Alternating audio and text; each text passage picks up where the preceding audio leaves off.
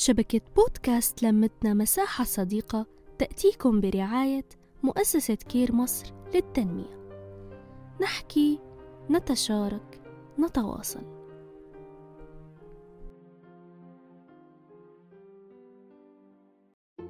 أهلا بيكم أنا سمر الحسن من لمتنا مساحة صديقة. هتلاقي كل يوم حاجة جديدة. هنتكلم عن تربية الأطفال وعن مشاكلك اللي انت بتواجهها والأكل والفاشون معاكم هنمشي الطريق في يوم جديد مع سمر.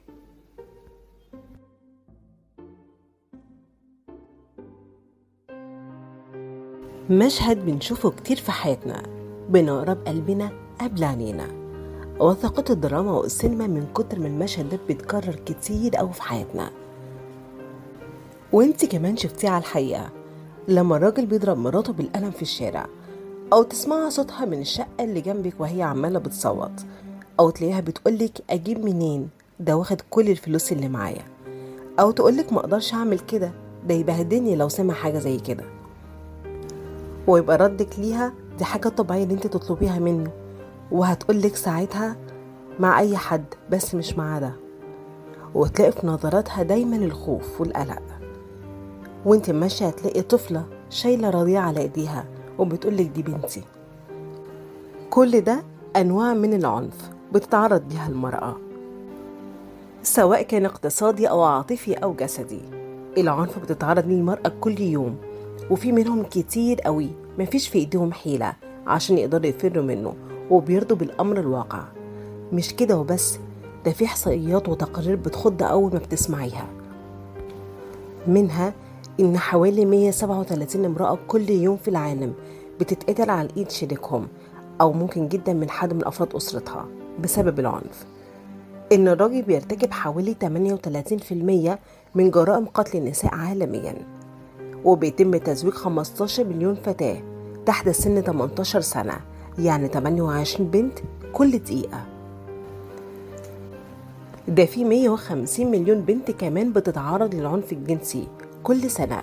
ممكن جدا اللي بيعمل فيها كده حد من أفراد أسرتها.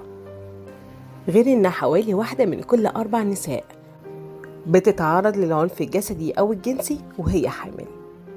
غير العنف المنزلي المشكلة العالمية اللي بتأثر علينا. 35% من النساء اللي حوالينا بتتعرض ليه.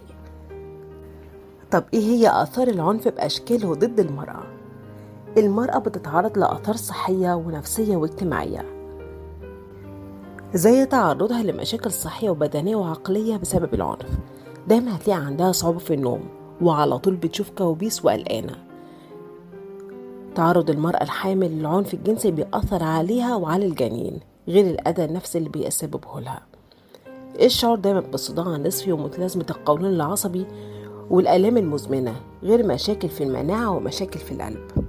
ومشاكل في الجهاز الهضمي وقرحة المعدة غير الأمراض الكتير جدا اللي بتتعرض لها. وتعرض الاضطرابات نتيجة الصدمة نفسها زي الدهشة والتوتر المزمن وصعوبة في النوم ونوبات من الغضب. الاكتئاب والقلق ده دي حاجة متلازمة ليها وهتبقى هجومية جدا قدام الخوف اللي جواها بسبب العنف اللي بتتعرض ليه. التشرد والبحث دايما عن مسكن تاني بعيد عن المكان اللي بتشوف فيه العنف. حاجات كتيرة جدا بتمر بيها المرأة. إحنا مبقاش عارفين ده ليه بس مع الوقت بنعرف بسبب نوع من أنواع العنف اللي هي شافته. طب آثار العنف على المرأة هتأثر على الأطفال اللي حواليها؟ أكيد طبعا بيأثر. العنف ضد المرأة بيأثر على أسرتها وأطفالها.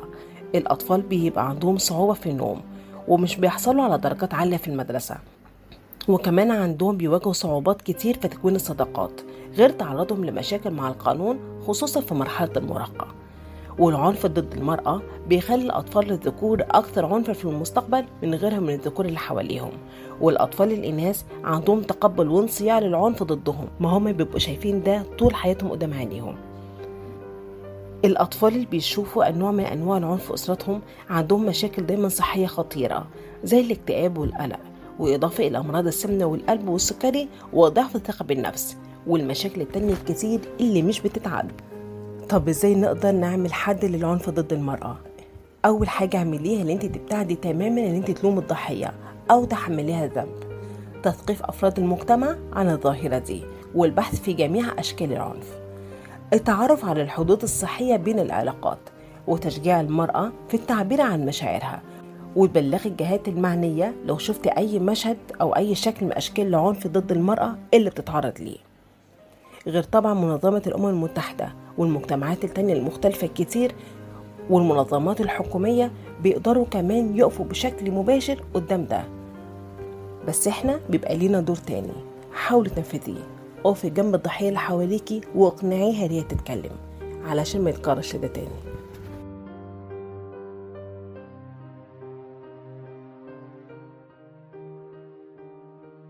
نحكي نتشارك نتواصل.